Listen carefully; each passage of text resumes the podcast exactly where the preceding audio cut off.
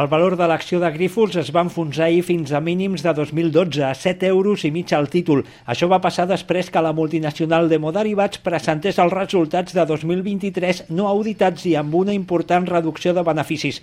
Però més enllà d'això, segons el director d'Economia de Foment del Treball, Salvador Guillermo, el que hi ha influït més és la tempesta de fa un mes i mig en la que el fons baixista Gotham City acusava Grífols de manipular els comptes per amagar deute. El fet d'haver utilitzat unes eines els agoten una mica agosserades i una mica esbiaixades, ha pogut, diguéssim, afectar molt més que si no s'hagués donat a l'efecte previ de fa un mes, un mes i escat. Aquests fons, com Gotham, guanyen milions fent caure les accions d'empreses de les que tenen una part d'accions, se'n diu operació a curt, venen abans d'una informació que les enfonsarà i recompren després molt més barates, una pràctica del tot legal. Demana prestat unes accions que ven el dia d'avui i com que espera que això baixi de preu, ell comprarà aquestes accions més baixes i, per tant, guanyarà diners d'aquesta operació. Avui Grífols ha recuperat part del perdut ahir. Les seves accions pugen a l'IBEX al voltant del 15%.